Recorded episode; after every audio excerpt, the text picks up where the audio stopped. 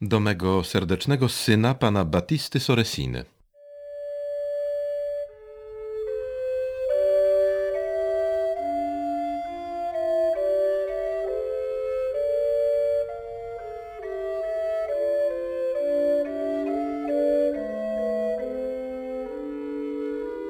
Figlio caro in Cristo, salute. Avendo ricevuta una vostra, non posso fare che non vi saluti e scriva due parole. Drogi synu w Chrystusie, przyjmij moje pozdrowienia. Otrzymałem Twój list i nie mogę zaniedbać, aby nie odpowiedzieć Ci co najmniej pozdrowieniami i paroma słowami.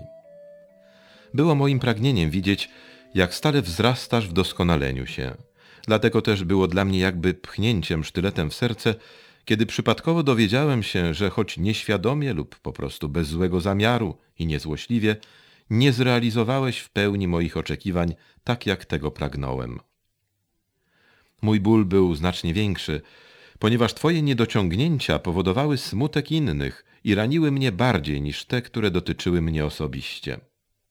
Ja natomiast czerpię większą satysfakcję z Twoich cnotliwych czynów względem innych, niż raczej z tych, które odnosiłyby się do mnie.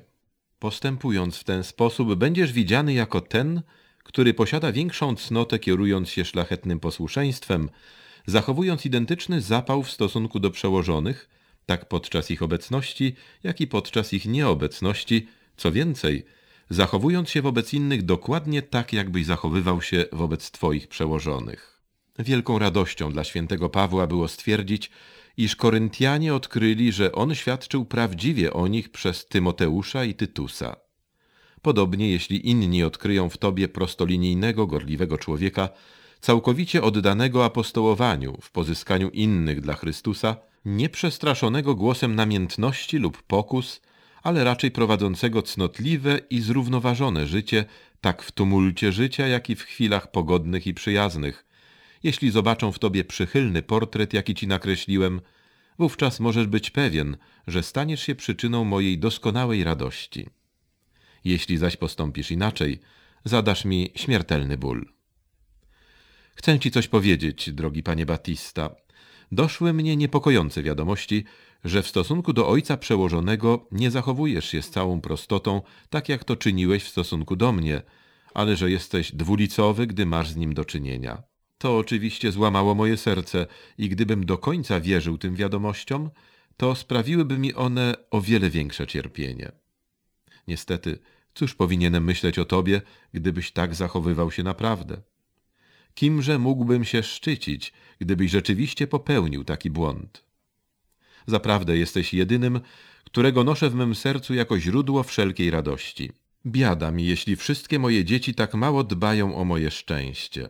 Czy nie byłoby lepiej dla mnie, gdybym ich nigdy nie zrodził, niż raczej patrzeć, jak upadają? Co czyniłeś, ty Dionizosie, ty Tymoteuszu i ty Tytusie ze swoim Pawłem? Zawsze mieliście w waszych sercach miłość i prawdziwą obecność waszego ojca Pawła i nie mieliście żadnej innej myśli, jak tylko ukontentować go. Niestety, biada mi, nie jest tak wcale w moim przypadku. Jeśli by ktoś inny zwodził mnie w ten sposób, ale jeżeli byłby to pan Batista, któremu powierzyłem wszystko najlepsze, co posiadam, gdyby to właśnie on uczynił, byłoby to dla mnie zbyt ciężkie do przyjęcia. Pozwól mi powiedzieć i zapewnić Cię w obliczu Chrystusa, że jeśli chcesz, możesz uczynić mnie szczęśliwym i sprawić mi radość, gdy będę wiedział, że zachowujesz się szczerze i z prostotą wobec każdego. Jaką masz korzyść, zadając mi cierpienia? Co uzyskasz, szkodząc sobie i dręcząc mnie? Co zyskasz, spadając z wyżyn, które już osiągnąłeś? Obiecuję Ci, że Jezus ukrzyżowany wyniesie Cię do takiego stopnia doskonałości, że inni synowie świętego Pawła będą patrzeć na Ciebie ze świętą zazdrością. Stanie się tak pod warunkiem, że zawsze, co będzie dla mnie zaszczytem, w każdym człowieku będziesz widział, tak, moją prawdziwą twarz. Jeśli od tego momentu nie spostrzegę w Tobie radykalnej zmiany i jeśli nie pójdziesz w tym kierunku, abyś widząc innych przełożonych, mógł zawsze widzieć mnie i widząc mnie lub tych, którzy mnie reprezentują, tak we mnie, jak i w innych, będziesz widzieć prawdziwą osobę Jezusa Chrystusa, pasterza Twej duszy?